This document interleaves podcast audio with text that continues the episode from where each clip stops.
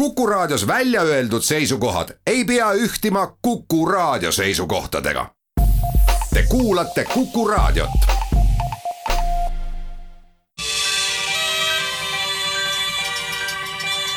maatund tere emadepäeva, kallid kaasmaalased, üks heitlik ilmade ja sademete rohke nädal on mööda saanud, kui Saaremaal võis veel nädala keskel hoogsalt külvata, siis Võrumaal teispool Haanjat Läti piiri peal tuli nii palju lund, et madalad nartsissid olid veel teiselgi hommikul lume all.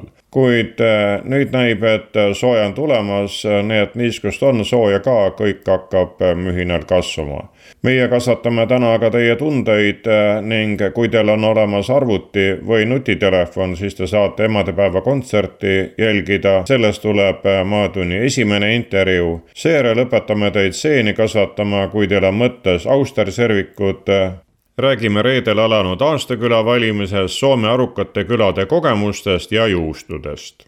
sellise saateplaani on kokku pannud Madis Ligi, emadepäeva laulud valib aga Egon Pentjärv jääge meie seltsi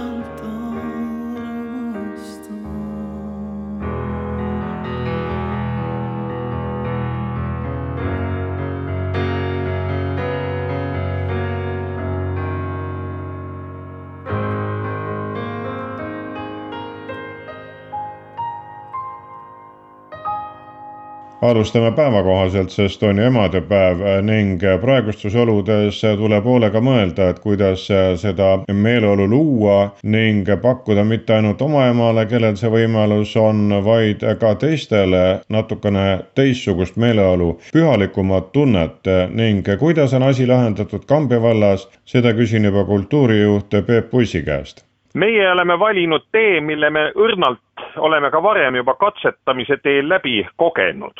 Ehk siis kuna ajad on kummalised ja väga veidrad ja mitte igat asja sa ei saa teha õues ja sedagi väga vähestele inimestele, siis me proovisime Eesti Vabariigi sünnipäeva ajal, eh, kuidas me saaksime luua selle väga kaasaegse nii-öelda videosilla. ehk siis seda hiljem eh, internetis järelvaadatuna on nimetatud ka saateks Eesti Vabariik sada kolm, meil oli otseülekanne kontserdil, kus meil laulis Alen Vesikoo, kes just nimelt Kambja vallas Reola kultuurimajas oma lauljateed ka alustanud on, mis selgus siis jutuajamise käigus. hümni laulis meil Ülenurme muusikakoolist noor kena neiu Urseloja laulustuudiost Viivi-Maria Tanilsoo ja vallavanem pidas kõne ja ka volikogu esimees ähm, sai vastata küsimustele, mida mina siis esitasin nii-öelda saatejuhina. lugesin ka mõned luuletused, põhiosa oli aga kontserdil. Ja kuna seda nüüd hiljem näinud ja ka asjasse puutunud inimesed on nimetanud saateks ja see toimis, me olime seda ennem juba katsetanud Tõrvandi lasteaia avamisel, kus samamoodi oli see asi jäädvustatud. ära proovitud, kindel ja kõige huvitavam on see, et seda Eesti Vabariigi äh, kontsertaktust on erinevas kolmes keskkonnas, need on siis äh, Vimeo keskkond meie koostööpartneri juures, meie valla kodulehel, kus link on järelvaadatav veel siiamaani ja ka Facebooki kaudu on uudistanud üle viie tuhande inimese ja kuna see tundus nii hea, kindel ja kõikide reeglitega kokku käiv, sest kohal oli ainult üks esineja ja natukene siis distantseerunult tehniline pool, sest seal on ju valgus, heli, arvutigraafika siis see tehniline meeskond ja siis me, kuna ajad ei ole muutunud ja et anda meie valla inimestele ja kõigile neile, kellel huvi on, imeilus kontsert ja, ja läks nii hästi, et kui esineja on meie valla endine kunagine laps Mari Jürjens, kes on äh, meie vallas nii-öelda käinud nii koolis kui ka Ülenurme muusikakoolis ja kuna tema abikaasa, kui tulnuks Mikk Jürjens lugema luuletusi, oleks olnud tegu perekonnaga, kes ei pea distantseeruma. jääb ainult tehniline meeskond, kes on meetrite kaugusel, otseülekanne emadepäeval, oma valla laps. Nii saigi otsustatud ja ja, ja sellisel kujul see emadepäeva kontsert meil siis otseülekandena valla kodulehelt lingi peale klikkides võimalikuks saabki inimestele. nii et keskpäeval lüüakse laul lahti? kell kaksteist jah, keskpäeval peaks meiepoolsete panuste tulemusena, kui tehnilised äh, viperused alt ei peaks vedama tui-tui-tui ruttu sülitan, on see kontsert ja ta jääb ka järelvaadata, nii et äh, tundub igati toimivat. oma valla laps, Mari Jürjens Kambja vald emadepäeva kontsert. seda enam, et Mari Jürjens on äh, kuldne plaat kaks tuhat kakskümmend üks aasta naisartist Kambja vald on siis äh, kahe valla Ülenurme, kus äh, on väga palju noori peresid, elamuehitus linna külje all äärmiselt aktiivne ja Kambja valla uus ühendus ja Kambja on siis selle uue ühinenud valla nimi.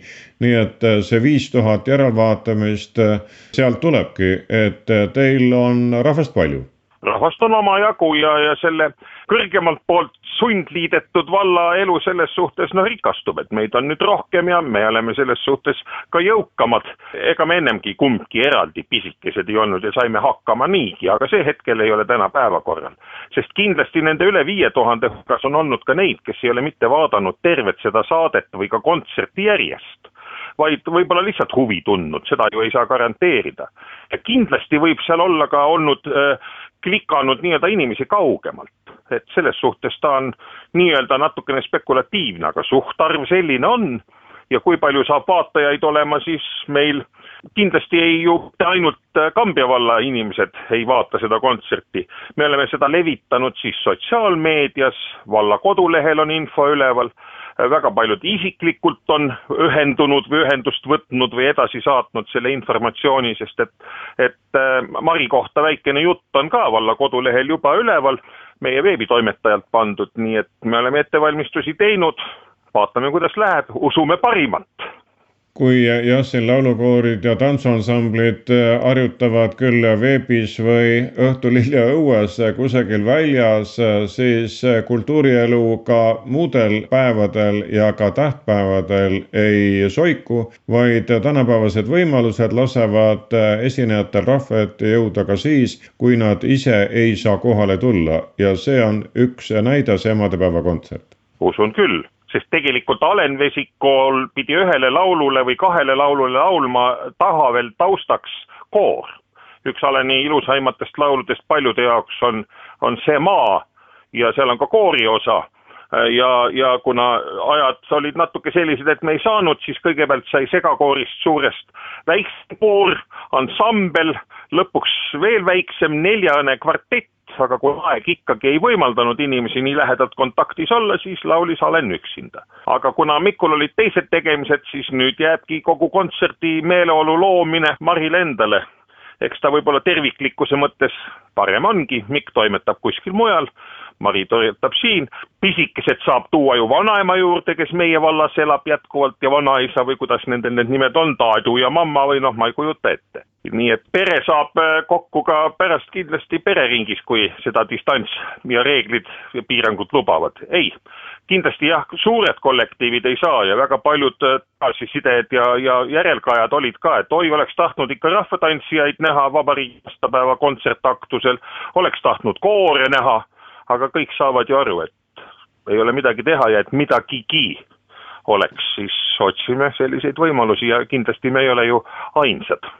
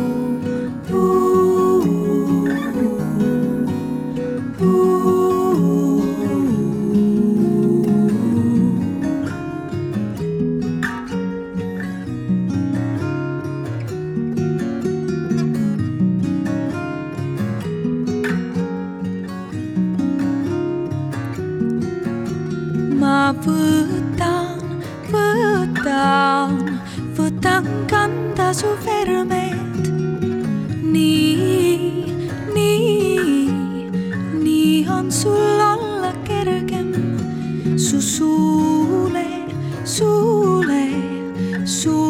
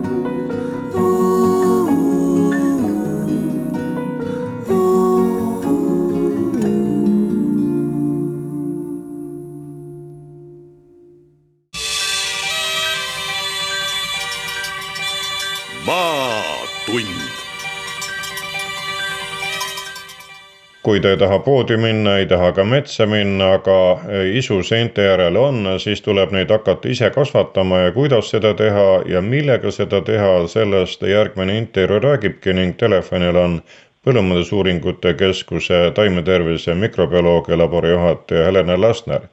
millest siis peaksid huvilised pihta hakkama?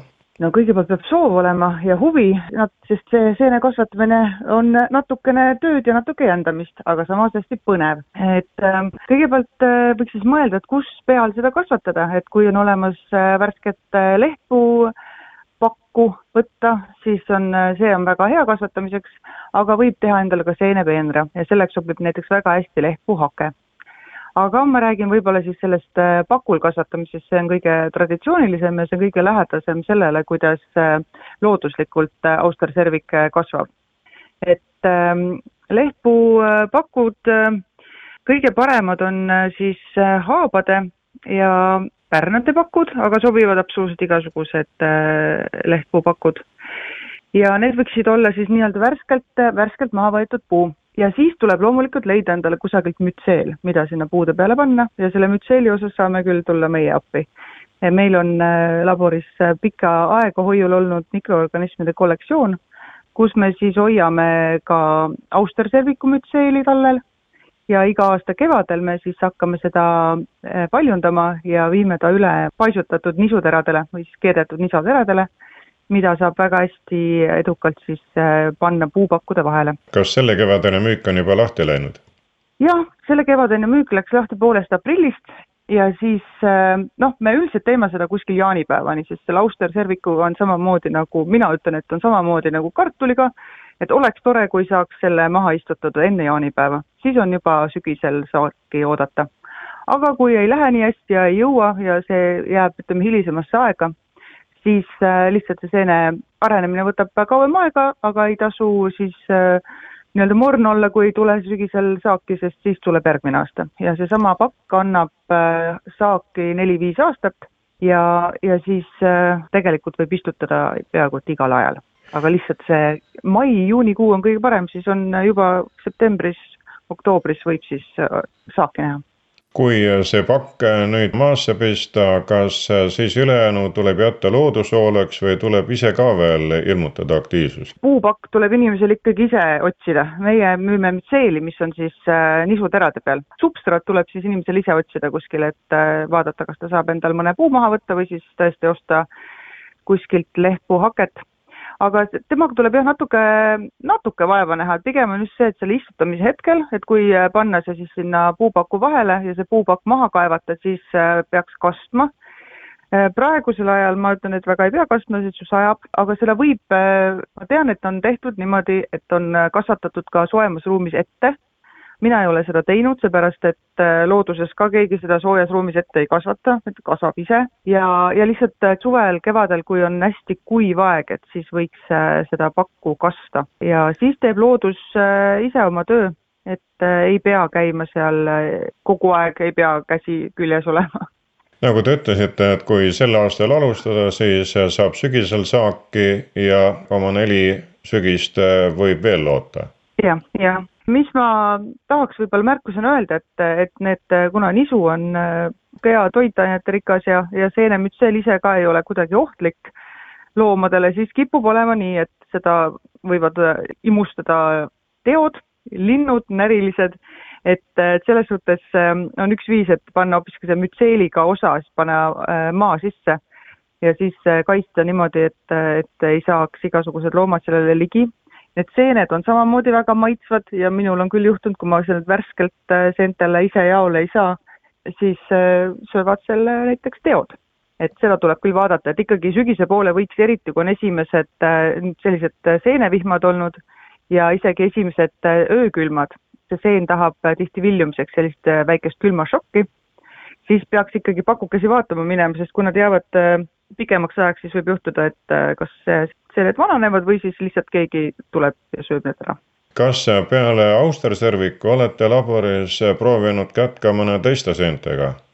meil on kollektsioonis teisi seeni ka, aga nendega meil ei ole väga palju veel kogemusi, et me vaikselt siin oma, omakeskis katsetame ja proovime ka nende kohta juhendit kokku saada mingi aeg et huvilistele tegelikult me saame mütseelina pakkuda küll, et lihtsalt enda kogemust sinna juurde panna praegu veel väga palju ei ole. aga Auster Servic on nendest lihtsalt kõige selline kindlam, kes meie kliimas kasvab praktiliselt alati. ja tagasiside on olnud ka väga hea nii meie töötajate poolt kui ka klientide poolt, kes on tellinud, et on saanud ohtralt saaki ja on olnud lihtne kasvatada, et ei pea väga palju äh, mässama selle seenega. aga muidu meil on küll teisi, meil on näiteks äh, šampinjone on, kuningsärvikut, äh, lakvaabikut, et neid seeni on meil ka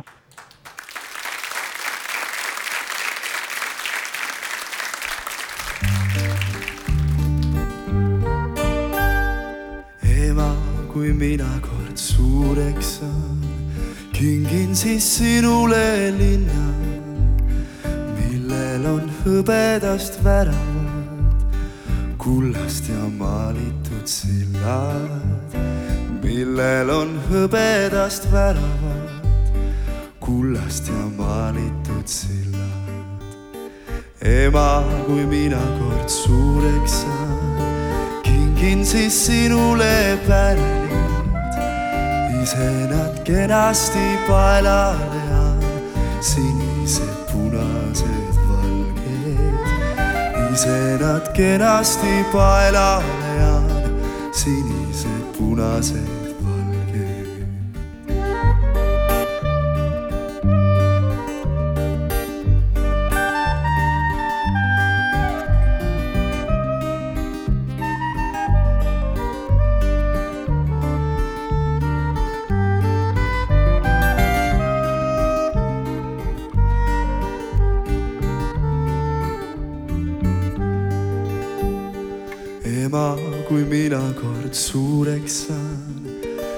Sa siis tuled mu juurde, istud mu voodil ja jutustad, kuni ma silmaksed sulen.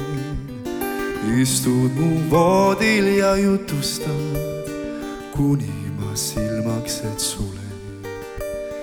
ema, kui mina kord suureks saan, kas sa siis jääd minu juurde? Üksi on õhtud nii kavad, katustel mänglevad tuuled. üksi on õhtud nii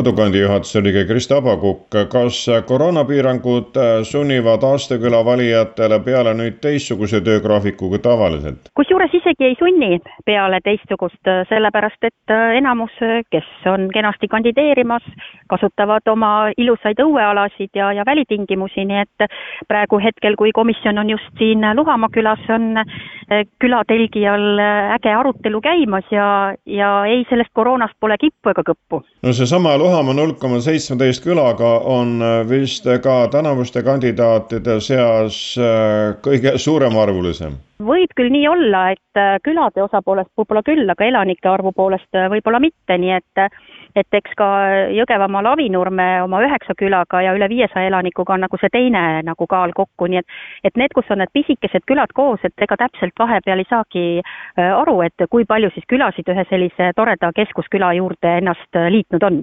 Läinud aastal sai aastaküla tiitli Lüübnitsa ehk siis samuti Setomaal, nii et äh, uut ringi alustasite samuti sealt kagunurgast? jaa, ja meie täna hommikune küla, kus me ringi liikusime, oli siis Leevaku, nii et me võtsime Lõuna-Eesti ära ja juba järgmisel nädalal liigume Kesk-Eestisse, kus meil on Rapla, Järvamaa ja Viljandimaa vaatluse all kui kauaks teil seda ülevaatust jagub, millal hakkavad juba otsused sündima? meie viimane külastuspäev on siis üheteistkümnes juuni ja see, kes siis äh, saab aastaküla tiitli, selgub kaheksateistkümnendal juunil. nii et äh, iga reede, mis siit nüüd äh, jäänud on, on siis komisjon sõidus, vaatab kõik hoolega üle, kuulab, räägib kaasa ja võib-olla ongi juba tänasest päevast esimesed emotsioonid, et mõlemad külad on siis pannud komisjoni jalgratastega mööda küla liikuma ja, ja see on nagu näidanud seda külapilti ikka hoopis teisest kandist ja, inimesed on saanud näha seda ehedat külaelu. nii et kaheksateistkümnendal seitsmeteistkümnendaks juuniks on tõesti teada, kes siis saab aastaküla tiitli. nii et vankrid teie jaoks valmis ei ole pandud, kuid ise vändata saate ohutult küll? ja, ja eks siis ju nüüd aeg näitab ja võib-olla ka mõned sellised õuepiirangud veelgi leevenduvad, nii et äh, need põnevad asjad ees, mis teistes külades oodata on, võivad sisaldada ka hobuvankreid, mine tea, et et see kaks tundi, mida üks küla komisjonile näitab, on meile teadmata ja ongi sellist üllatusmomente täis, nii et me oleme väga põnevil ja, ja ka komisjon ise on väga põnevil. kui palju on ühtekokku neid kandidaate, kes siis pretendeerivad sel aastal aastaküla tiitlile? Kokku on viisteist küla, ehk siis igast maakonnast on välja valitud see üks, keda siis toetatakse ja kes on esitatud siis konkursile, nii et viieteistkümne küla vahel siis selline sõelumine käibki ja ja see on minu arust hästi tore ja on külasid, kus on kakskümmend üks elanikku ja on külasid, kus on viissada elanikku, nii et komisjoni töö ei ole sugugi kerge. nüüd hakkame korjama soomlaste kogemust, sellepärast et sel nädalal neljapäeval toimus Arukate külade veebiseminar ja põhjanaabrid meile oma teadmisi ka jagasid. Ave Bremse, kui kaugele soomlased on jõudnud? arukate külade teemaga on soomlased liikunud natukene kauem, kui võib-olla meie siin Eestis oleme jõudnud ja natukene võib-olla teisest, teistmoodi, aga eks meil eesmärgid ole ju samad arukas küla oma, oma põhiloomult on ju hästi lai ja iga liikmesriik saab siin läheneda natukene oma tempo ja oma prioriteetidega. põhieesmärk on siin ju see, et äh, maaelu vaadata palju horisontaalsemalt, mitte ainult digilahendusi, vaid vaadata siia juurde näiteks biomajandust, sotsiaali, transporti, haridust, nii et ta ületab siis ütleme selle valdkonna, mille me võtaks nagu praegust ütleme Maaeluministeeriumi haldusala või, või valdkonniti mida me täna soomlastelt kuulasime, oli see, et äh, kuidas nende ministeeriumis, siis äh, Põllumajandus- ja Metsandusministeeriumis planeeritakse järgmiseks äh, programmperioodiks Aruka küla teemat. ma just rõhutan teemat, sest see ei ole üks meede, üks toetusprogramm, vaid kuna ta ongi nii lai, siis soomlased ongi vaadanud teda läbi mitme meetme, sest äh, üks põhilisi on kindlasti liidermeede, mis on paljudele tuttav, kes tegelevad maaelu arenguga, aga liidris kõik need teemad ei kajastu ja kindlasti ei jätku fonde. kui me mõtleme, et mõni tahaks teha näiteks siit alt ka biomajandust, alternatiivelektrienergiat, transport hoopis liigub, eks ole, teistesse fondidesse ja nii edasi. täna Soome jah, tutvustas oma, oma sellist laiemat visiooni kõigepealt muidugi nende maaelu arengukava nii-öelda raamides. Teine, kes tutvustas oma tegevusi, oli Soome maaelu võrgustik ja nemad alustasid juba kaks tuhat seitseteist Soome Aruka küla konkursiga. Smart Village või Smartest Village soomlaste arukaim küla oli pealkirjaks aga see ei olnud ainus nende tegevus, nad on sinna juurde teinud igasuguseid õpikodasid, innovatsioonilaagreid ja toonud ka seda, seda kokku, et seda teemat arendada. Äh, kolmas, kes Soomest rääkis, oli siis selle kõige arukaima küla konkursi võitja Voolioe küla, kes tõi esile, mida nemad on teinud, miks nad liitusid, liitusid nad äh, väga sellistel äh, üldistel põhjustel, mis oleks tuttav nii Eestis kui võib-olla siin mõnes teises riigis, ühinesid omavalitsused tekkis ääremaastumise tunne, kadusid ära mõned teenused ja kõige suur oht, mis neid kummitas, et taheti kinni panna nende väike oma kool võeti siis initsiatiiv enda kätte, mida sellel konkursil, kuidas sellele konkursile üldse, üldse oma, oma nagu välja toodi neid, millega konkureeriti, et pigem sellega, et mis on see idee millega tullakse välja ja, ja konkursi lõpuks oli kaks aastat äh, välja kuulutati see Voolioe küla kaks tuhat kakskümmend sügisel, et kuidas nad on oma neid ideesid siis välja noh, nagu ellu viinud. et kes on kõige kaugemale jõudnud. ja Eesti poolt esindas ja andis ülevaade, mida meie teeme Eestist. Kristiina Tammets tutvustas nii Euroopa konkurssi, kus osalesid päris paljud Eesti külad või külade ühendused ja kus võitis Virtsu. Ja ka järgmine kohe, mis siit on nagu edasi liikunud, liiderprojekti, mis on praegust just startimas, kus osaleb kolmteist liidripiirkonda iva ongi siis selles, et selle Euroopa Komisjoni poolt käima tõmmatud arukate küladega rohkem inimesi kaasata, panna nad koostööd tegema ühe ja teise eesmärgi nimel, et maaelu edendada, rikkamaks teha. just täpselt, nii see on ja iga riik saab siin leida oma tee. Ja kindlasti ma ütleks veel juurde seda, et eh, ka külad on ju Euroopas erinevad, paljudes Euroopa riikides on äh, nad eraldi juriidilised isikud, iga, iga väiksem üksus, paljudes ei ole, meie oleme kuulsad siin Põhjamaad oma hajaküladega, sellised tihedamad linnad, äh, kuidas kuskil nimetatakse, viis tuhat ja öeldakse ikkagi küla, Eesti suhtes juba ikka linn, eks ole, keel ei paindu küla ütlema, aga igalühel on oma võimalus, kes ei saa teha nii-öelda täisrehkendust teeb pool või kas või ühe, et iseenesest saab üles kutsuda ka neid külasid mõtlema aruka küla võtmes, ma võib-olla kasutaks seda sõna siin niimoodi, kus on võib-olla viisteist peret või viis, viisteist või viis peret, võib-olla neil on seal mingi ilus suur kivi, mille ümber nad tahavad teha või on endine väike koolimaja, mis on täna võimalik sinna majutust teha või mida iganes. siin on mõisakoolide inimesed pannud pead kokku, lastehoidu tehtud, et igaüks ei küüni selleni, et, et eks ole, siin paarkümmend majapidamist panevad kokku ja tahavad kohe teha biomajanduse projekte, aga saab ju teha midagi väiksemat. Tänane jutt tõukub siis sellest veebiseminarist, kas äh, maaelu võrgustikutöö osakond on märgid maha pannud, et kuidas näiteks see teadmiste täiendamine edasi läheb, kuidas me saaksime veel teada, mida tehakse Soomes, mida tehakse mujal, kui ajad lahti lähevad? Jaa, tahaks juba kokku saada, sügisel oli üks kohtumine, tahaks teha edasi, teeme ka veebiseminare, jälgige, me kindlasti toome nii Euroopast kogemust kui jälgime seda, mida siin Eestis kuskil tehakse. Ja mõnele algatusele võib-olla saame omalt poolt anda tõuke. Nii et äh, kindlasti ei jää Aruka küla teema unarule.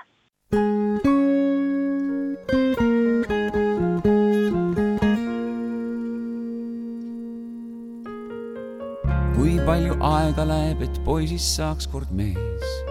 kui palju vaeva iga päeva sees, kui palju laevu unistusteks veel, kui palju naeru naerda lihtsalt kardame. kes annaks aega, sest kellas voolab liin, kes selgeks teeks, on hea just praegu siin, kes pühiks ära vahel tõusnud pisarad kes teab, mil olla vait, mil rõõmust kisada. ma küsin endalt, ma küsin iga päev kaob minu tuulde, aastaid mööda läheb. Nendel öödel ükskõik kui kaugel elan, ma küsin tasa, kuidas elad ema. ma küsin endalt, ma küsin iga päev kaob minu tuulde, aastaid mööda läheb nendel öödel ükskõik kui kaugel elan. ma küsin tasa, kuidas elad ema. kas jõuan oodata, kui käes on suurim soov? kas mõtted kõigel, mis laulan, räägin loo? kas keegi olla võiks mu pärast õnnelik? kas hommikul mul varuks lahke pilk, kust leida jõud? Kui kaotada võin kõik. kus on mu kindlus kord, et saabub võit, kust leida tarkus hoida kinni käes. kus kaob küll uni, sest seda ma ei näe. ma küsin endalt, ma küsin iga päev kaob minu tuulde, aastaid mööda läheb nendel öödel ükskõik kui kaugel elan. ma küsin tasa, kuidas elad ema, ma küsin endalt, ma küsin iga päev kaob minu tuulde. aastaid mööda läheb, nendel öödel ükskõik kui kaugel elan. ma küsin tasa, kuidas elad ema kui palju aega läheb, et poisist saaks kord mees, kui palju vaeva igapäeva sees, kui palju laevu on unistusteks veel.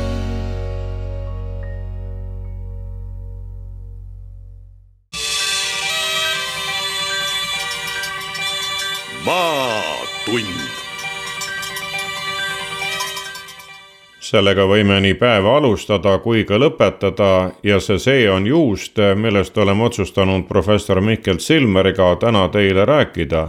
valka rasva vajab inimene ikka, nii et juust võiks olla menüüs küll jah, juustu peaks sööma, sest juust on küll üks väga tubli tegija just selles mõttes, et ma kahte aspekti toonitaks, seal on rikkalikult väga mitmeid vitamiine ja mineraale, noh kui ma ainult loetelu loen, mitte et meelde jätta, kaltsium, fosfor, tsink, magneesium, jood, seleen, kroom, noh, kõik äärmiselt sellised vajalikud ja, ja nüüd seal isegi kriitilised sellised mikrotoitained. Ja kui me võtame vitamiinide loetelust, siis põhimõtteliselt praktiliselt peaaegu kogu B-grupp on esindatud ja rikkalikult on veel A-vitamiini ja mis on eriti oluline, et seal on meile sobivas vormis vitamiin B kahtteist. see tähendab seda, et kui noh, võtta näiteks ka kõrgelt arenenud riigid, siis on üha rohkem selge, et inimestel on teatud B kaheteistkümne defitsiit, noh eriti kui inimesed juba on ka seal viiskümmend ja pluss ja rohkem. nii et juust on selles mõttes ikkagi uskumatult hea. Ja veel, ega siis kõik on tegelikult suhteliselt väikses juustutükis juba olemas, nii et ta on hästi kontsentreeritud, nii et tõepoolest sobib igale toidukorra ja, ja hommikul-õhtul ka kindlasti. Pole siis ka ime, et üks juustutegija on valinud oma lendlauseks või tunnuslauseks, et juust on iga piima unistus, kuid tegelikult meie juustumeistrid on väga usinad ja juustuvalik on peaaegu nagu Hollandi juustupoes ehk rikkalik no juustuvalik on jah pöörane, kui ainult noh, me Madist mäletame ju natuke ka seda nõukogude aega, aga kui oli vist kaks sorti juustu või vahel oli ka kolm, aga nüüd on täiesti pöörane. no loomulikult üldiselt võib öelda niimoodi, et ei ole nüüd seda, et üks juust oleks teistest nii-öelda meeletult üle. eks nad kõik on head siin, et siin tuleb natuke ka oma maitse-eelistusi vaadata, aga kindlasti on mõttekas ka süüa erinevaid juustusid, nii et mitte olla ainult ühe juustu sõber ja ainult seda pidevalt süüa. aga juustu kohta veel seda, et juust on ju tegelikult ka selles mõttes suurepärane, et temal on see omega kuue ja omega kolme rasvhapete suhe väga sobib meie organismile. ja tulles veel kord kaltsiumi juurde tagasi, et kui nüüd kellelgi noh, leitakse, et vot on selline oht luude hõrenemiseks ja nii edasi, noh eriti sellistel eakamatel naistel, aga ka natuke varem, ka meestel võib seda olla, naistel paraku kahjuks rohkem, siis ikkagi selline juustu tarbimine oleks väga mõistlik, noh tuleks valida siis selline juust ka või selliseid juustusid, mis on sellised pehmed ja, ja, ja lausa ütleme, sulavad suus. nüüd rasva pärast juustus, noh, juustus on tõesti rasva palju. selle üle ei tasu muretseda, sellepärast et see rasvadest tulev rasvahappe spekter on üldiselt väga hea. ja keegi ei söö ju juustu kolmsada grammi korraga ja nii edasi, nii et selles mõttes seda rasvaprotsenti ei tasu ka karta juust on hea veel selles mõttes, et me saame teda panna võileiva peale, saame salatisse pista või mõne küpsetise juures kasutada, nii et võimalusi on mitmesuguseid. kuni selleni välja, et kui kellelgi on jänu mõnede jookide järele, kus kraadid sees, siis saab sinna kõrvale ka hammustada. nojah, ta sobib nagu igale poole hästi. küll juustu puhul tasuks tähele panna seda, et natuke võib-olla jälgige seda, et juustus peab olema soola, sest täiesti soolavaba juust, noh, selle võib ju teha, aga see ei, ei, ei kõlba väga hästi nii-öelda. noh, mitte kõlba, aga ta ei maitse hästi, aga aga juustudes soola on, nii et seda soola ei tasu karta, sest kogus juustu, mida te korraga sööte, ei ole suur. aga noh, kui on nagu selline probleem, et on kõrgvererõhutõbi juba ja noh, see on nii-öelda tõsiselt leitud, siis tasub natuke vaadata selle pilguga et eh, tarbida juuste, kus siis on soolasisaldus väiksem.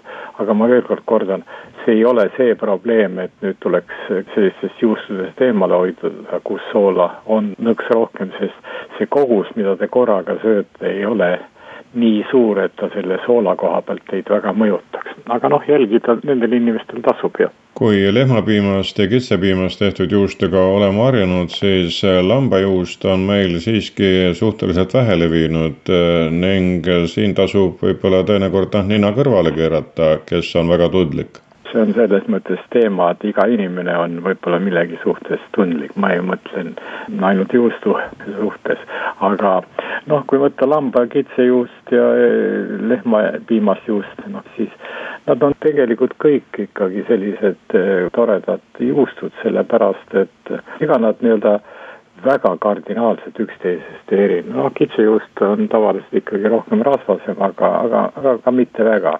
küll ma ütleksin, et et kui keegi nüüd väidab, et vot kitsejuust on väga hea juust ja tulekski ainult kitsejuustu süüa, siis see päris nii mõistlik ei ole, sellepärast et kitsepiim on väga hea, aga kitsepiimal on nagu kaks sellist noh, mitte miinust, aga nõrka külge, et temal on just seda B kahtteist, seda vitamiini on tal vähe. ja noh, eks siis juustus ka selle võrra on, on vähem, aga ma veel kord ütlen, kui te sööte lambapiimajuustu, kitsepiimajuustu või lehmapiimajuustu, siis te olete igal juhul tubli juustusööja.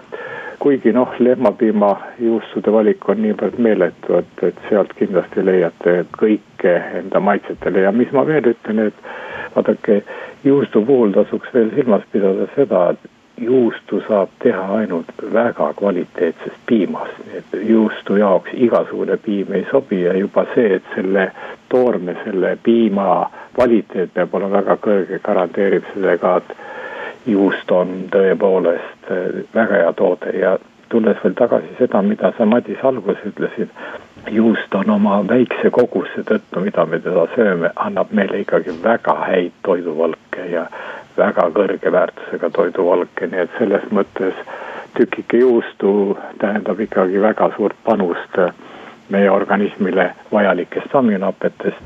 ja noh, ma ei taha olla nüüd aktuaalse teema küljes, aga vaadake, räägitakse antikehade tekkest ja nii edasi, vaadake antikehade teke vajab meie organismis aminohappeid. me peame neid aminohappeid saama, eks ole. me teeme ise midagi ja toiduga tuleb ka midagi, mida me ei oska teha. tükike juustu annab juba väga olulise panuse, et nende valkudest olevad aminohapped kenasti meil verre jõuavad ja nota bene osalevad ka antikehade tekkes, nii et juust on mõistlik toiduaine kallid kuulajad, tänases saates olid teiega Kambja valla kultuurijuht Peep Puis, Põllumajandusuuringute Keskuse laborijuhataja Helena Lastner ning Ave Bremse sealsest maaeluvõrgustiku tööosakonnast, kodukandi juhatuse liige Krista Abakukk ja Tartu Ülikooli professor Mihkel Zilmer. saatejutuohja hoidis Madis Ligi, laulud valis Egon Pentjärv tundkem rõõmu emadest, kas siis tegudes või mõtetes meenutustes.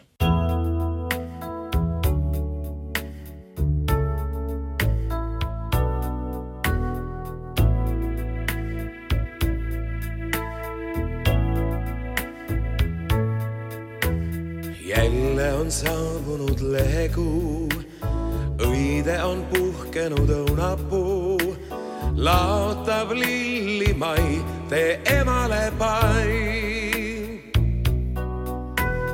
hellalt ta ümber sa põimi käed, vaata silmis tal rõõmu näed, õrnus hinge läheb, on emadepäev. õnne siiralt soovime ja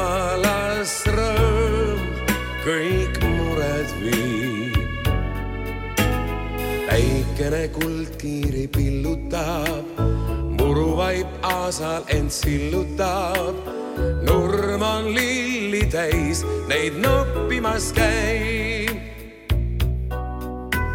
kauneimast õitest saab palmiku, krooniks see emale valmigu. kallim kullast veel on talle see.